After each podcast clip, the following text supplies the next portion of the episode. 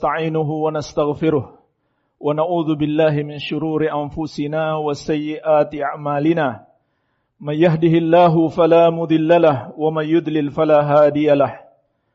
أشهد أن لا إله إلا الله وحده لا شريك له وأشهد أن محمدا عبده ورسوله صلى الله عليه وعلى آله وصحابته أجمعين ومن تبعهم بإحسان إلى يوم الدين.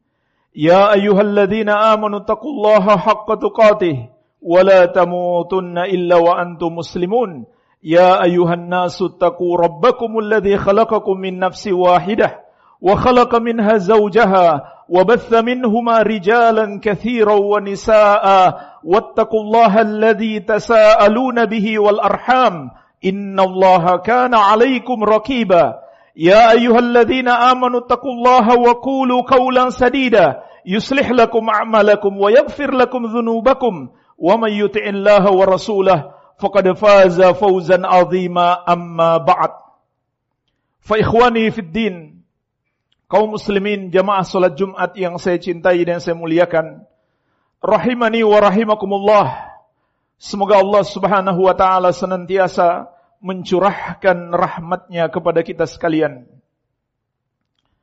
Sesungguhnya Nabi kita yang mulia Nabi Muhammad sallallahu alaihi wasallam Nabi yang sangat penyayang kepada kita telah mengabarkan kepada kita akan datang satu kaum ahli ibadah. Akan muncul kelak suatu kaum yang sangat rajin beribadah Saking hebatnya ibadah mereka jemaah sekalian, mereka bisa mengalahkan para sahabat Nabi Muhammad sallallahu alaihi wa ala alihi wasallam. Sahabat Nabi Muhammad sallallahu alaihi wasallam yang telah Allah ridhoi dan telah Allah jamin masuk surga. Ternyata Nabi sallallahu alaihi wasallam mengabarkan akan datang satu kaum yang bisa mengalahkan ibadah mereka. Tapi mengalahkan di sini hanya dari segi kuantitasnya, jumlahnya. Adapun dari segi kualitas, maka umat-umat setelah para sahabat tidak mungkin mengalahkan para sahabat. Tapi dari segi kuantitas, Rasulullah sallallahu alaihi wasallam mengatakan, "Yakhruju qaumun yaqra'una al-Qur'an laisa qira'atukum ila qira'atihim bi wala salatukum ila salatihim bisyai wala siyamukum ila siyamihim bisyai akan ada satu kaum kelak yang membaca Al-Quran. Bacaan kalian, wahai para sahabatku, tidak ada apa-apanya dibandingkan bacaan mereka. Solat kalian tidak ada apa-apanya dibandingkan solat mereka. Dan puasa kalian tidak ada apa-apanya dibandingkan puasa mereka. Dalam riwayat yang lain, tahkiruna solatakum ila solatihim wasiyamakum ila siyamihim. Kalian wahai para sahabatku akan menganggap remeh solat kalian jika kalian bandingkan dengan solat mereka. Dan puasa kalian jika kalian bandingkan dengan puasa mereka. Subhanallah jemaah sekalian. Betapa hebatnya kaum ini dari segi rajinnya mereka beribadah. Bersamaan dengan itu jemaah sekalian, perhatikanlah Rasulullah sallallahu alaihi wasallam mengatakan tentang mereka, "Kilabun nar syarru qatla tahta adimis sama." Mereka adalah anjing-anjing neraka. Mereka adalah seburuk-buruk makhluk yang terbunuh di bawah kolong langit. Perhatikan jemaah sekalian. Jangan tertipu dengan banyaknya ibadah. Jangan tertipu dengan seruan-seruan yang kelihatannya islami.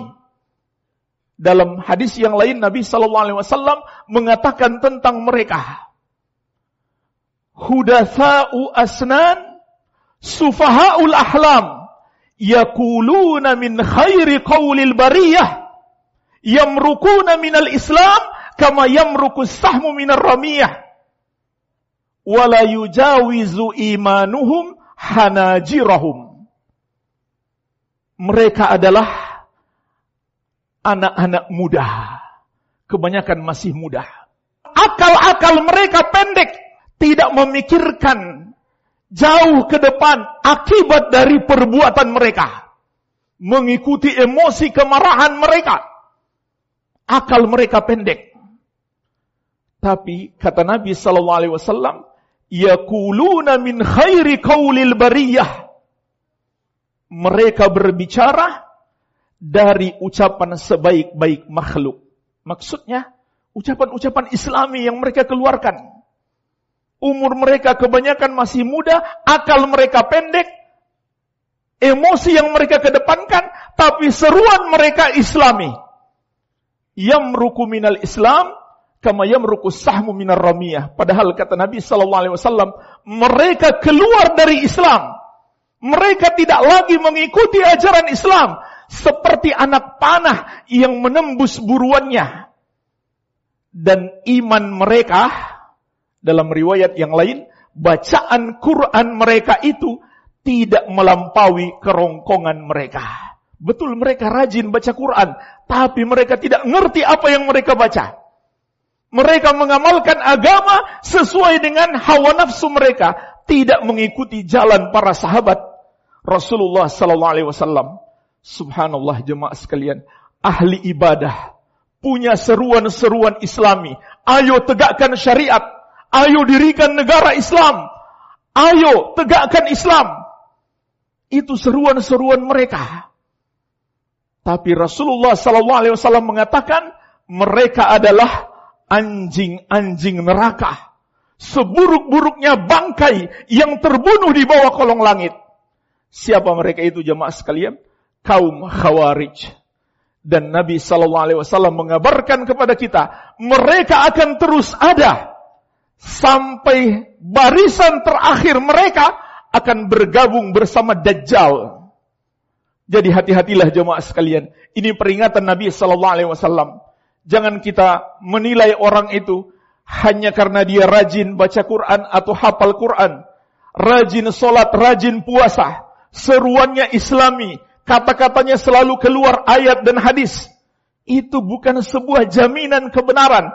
Apa jaminan kebenaran? Kalau dia mengikuti jalan Rasulullah sallallahu alaihi wasallam dan para sahabat radhiyallahu taala anhum ajmain. Ini jaminan kebenaran. Lalu apa jemaah sekalian? Pangkal kesesatan kaum Khawarij itu nomor satu adalah pengkafiran terhadap kaum muslimin. Mereka mengkafirkan orang muslim yang melakukan dosa besar. Dosa besar itu sangat tercela. Tapi jemaah sekalian, dosa besar tidak menyebabkan pelakunya itu kafir, murtad keluar dari Islam. Yang menyebabkan orang itu kafir keluar dari Islam adalah dosa terbesar yaitu kesyirikan dan kekufuran. Dan mereka juga salah memahami sebagian dosa besar mereka anggap sebagai dosa kekafiran. Dan jemaah sekalian, kalau sudah mengkafirkan, tidak lama lagi penghalalan darah, pengoboman, pembunuhan, dan itu yang dilakukan oleh kaum khawarij sejak dulu sampai hari ini. Kenapa mereka tega membunuh? seorang polisi muslim seperti pernah kejadian di sebuah masjid di kantor polisi. Ada yang datang ikut sholat Jumat tapi membawa bom. Subhanallah. Dia ingin membunuh para polisi. Kenapa? Karena dia menganggap polisi itu adalah antek-antek togut. Togut yang dia maksud adalah pemerintah. Dia anggap pemerintah sudah kafir karena tidak berhukum dengan syariat. Karena katanya Allah berfirman, "Waman lam yahkum bima anzalallah faulaika humul kafirun." Barang siapa yang tidak berhukum dengan syariat yang Allah turunkan, mereka itu adalah orang-orang kafir. Jemaah sekalian, ini bahaya. Kalau kita memahami Al-Quran, tidak merujuk kepada pemahaman sahabat. Ternyata Imam Ibn Kathir, Imam At-Tabari dan para ulama ahli tafsir menyebutkan, para sahabat menafsirkan maksud ayat itu adalah kufur kecil. Kufur kecil adalah dosa yang sangat besar, tapi tidak sampai menyebabkan pelakunya kafir, murtad keluar dari Islam. Ketika dia berhukum dengan selain hukum Allah itu adalah kufur kecil. Dosa besar iya, tapi tidak sampai menyebabkan pelakunya murtad. Kecuali dia menganggap hukum Allah sama saja dengan hukum manusia. Atau hukum manusia lebih baik daripada hukum Allah.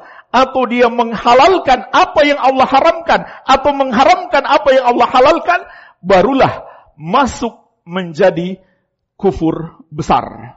Selama dia masih yakin hukum Allah itulah yang terbaik maka kekufuran yang dia lakukan apabila dia berhukum dengan selain hukum Allah itu kufur asgar dan mereka lupa ayat berikutnya Allah mengatakan Wa man lam yahkum bima anzalallah faulaika humuz zalimun.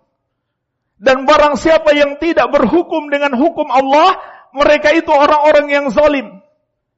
Juga ayat berikutnya wa man lam yahkum bima anzalallah faulaika humul fasikun. Dan siapa yang tidak berhukum dengan hukum Allah, mereka itu orang fasik.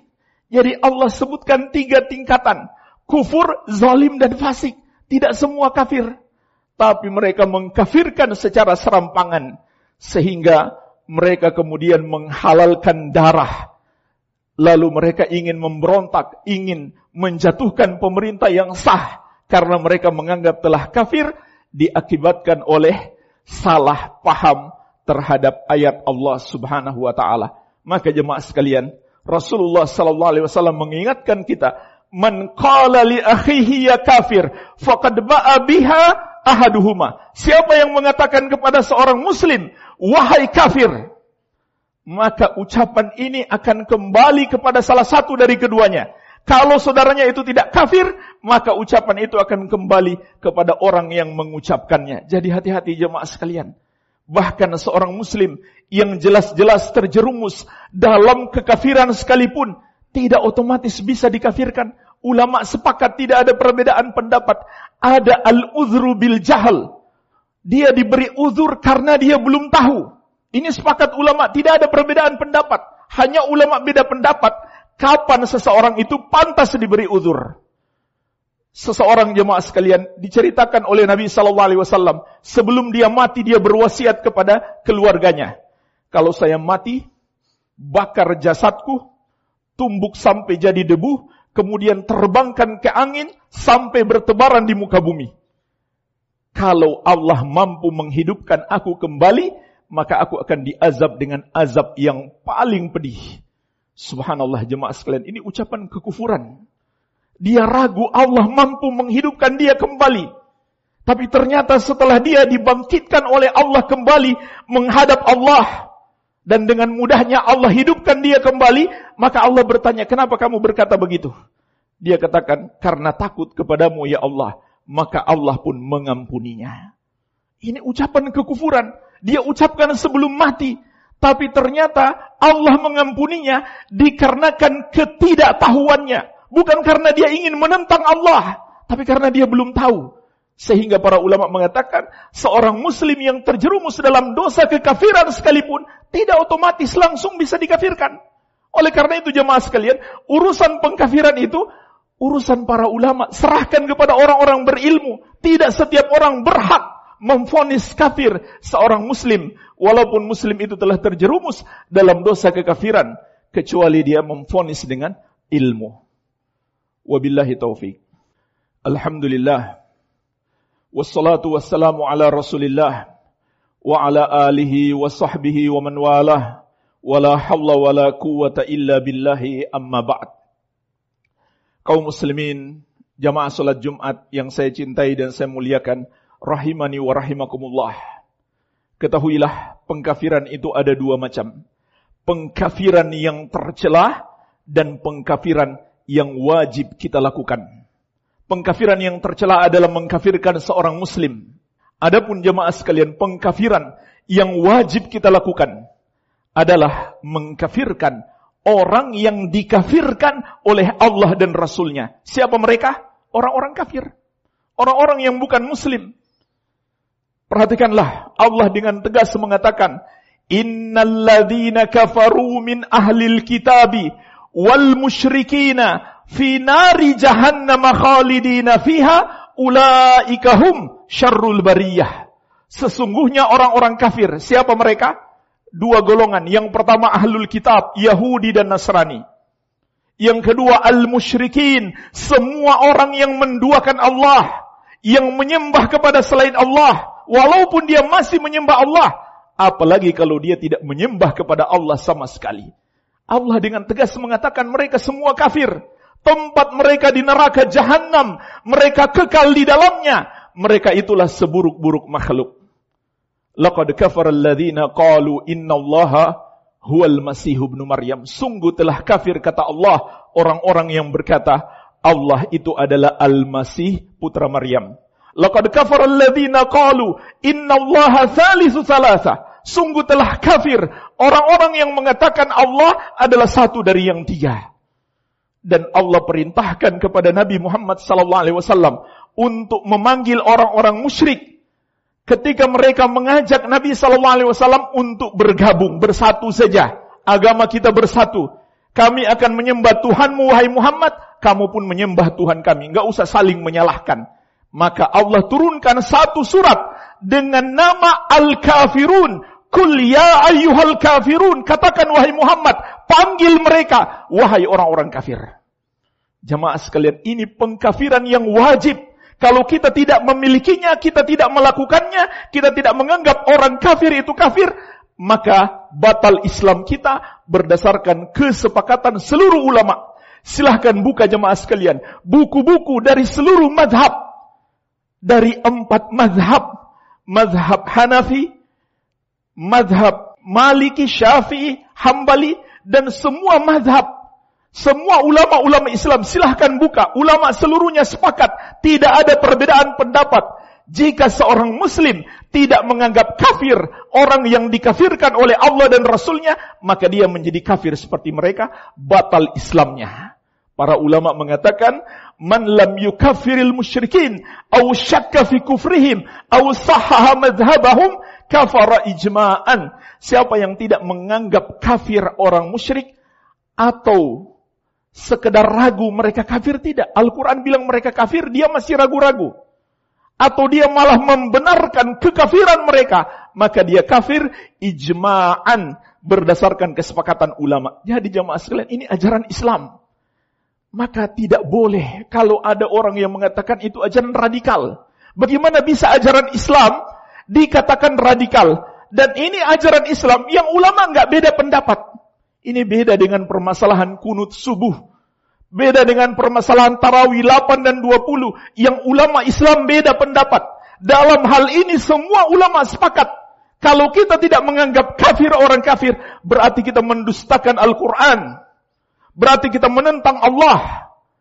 Maka jemaah sekalian, apakah patut kita seorang muslim mengatakan itu ajaran radikal? menganggap kafir selain muslim, itu ajaran Islam. Jelas ayatnya, jelas hadisnya. Sepakat seluruh ulama, itu bukan ajaran radikal. Radikal itu kalau kita zolim kepada mereka. Ini tidak boleh. Kita wajib menganggap mereka kafir. Seperti yang Allah katakan. Tapi zolim kepada mereka tidak boleh. Perhatikanlah Allah mengatakan. Wala yajrimannakum syana'anu qawmin ala alla ta'dilu I'diluhu akrabu taqwa. Janganlah kebencianmu kepada satu kaum membawamu tidak berlaku adil kepada mereka atau berbuat zolim. Berlaku adilah, adil itu lebih dekat kepada takwa. Maksud ayat ini kata para ulama ahli tafsir, kita harus membenci orang kafir. Tetapi kita tidak boleh berbuat zolim kepada mereka. Dan Rasulullah SAW mengingatkan dengan keras jamaah sekalian menghilangkan nyawa orang kafir yang tinggal di negeri Islam. Dosanya sangat besar. Beliau bersabda, "Man qatala mu'ahadan lam yarah raihatal jannah wa inna rihaha la tujadu min masirati arba'ina aman." Barang siapa membunuh orang kafir yang terikat perjanjian dengan kaum muslimin. Di antaranya perjanjian sebagai warga negara. Siapa yang membunuhnya kata Nabi sallallahu alaihi wasallam dia tidak akan mencium bau surga. Padahal bau surga itu tercium dari jarak 40 tahun perjalanan. Bahkan Allah mengizinkan kita berbuat baik kepada mereka. La yanhakumullahu anil ladzina lam yuqatilukum fid din walam yukhrijukum min diyarikum an tabarruhum wa tuqsitu ilaihim innallaha yuhibbul muqsitin Allah tidak melarang kalian untuk berbuat baik kepada orang-orang kafir yang tidak memerangi kalian karena agama kalian dan tidak mengusir kalian dari negeri kalian dan berlaku adil kepada mereka. Sesungguhnya Allah mencintai orang-orang yang berbuat adil. Maksud berlaku baik kepada mereka dalam perkara duniawi. Boleh kita kasih makan mereka, boleh kita kasih uang kepada mereka, tapi bukan berarti boleh kita membantu mereka merayakan hari raya agama mereka. Tidak. Itu bukan berbuat baik. Tapi tolong menolong di dalam berbuat dosa. Jadi jemaah sekalian, toleransi jangan kebablasan. Toleransi tidak boleh sampai malah menghilangkan keimanan kita kepada Allah subhanahu wa ta'ala. Maka mereka itu kafir harus kita yakini, tapi kita jangan berbuat zolim kepada mereka, dan kita boleh berbuat baik kepada mereka dalam urusan dunia selama mereka tidak memerangi kita. Semoga Allah Subhanahu wa taala senantiasa membimbing kita agar selalu berada di atas jalan yang lurus dalam mengamalkan agama yang mulia ini dan semoga Allah melindungi kita dari berbagai macam akidah dan pemahaman-pemahaman yang menyimpang. Allahumma salli ala Muhammad wa ala ali Muhammad kama sallaita ala Ibrahim وعلى آل إبراهيم إنك حميد مجيد اللهم اغفر للمسلمين والمسلمات والمؤمنين والمؤمنات الأحياء منهم والأموات إنك سميع قريب مجيب دعوات ربنا آتنا في الدنيا حسنة وفي الآخرة حسنة وقنا عذاب النار وصلى الله على نبينا محمد وآله وسلم والحمد لله رب العالمين.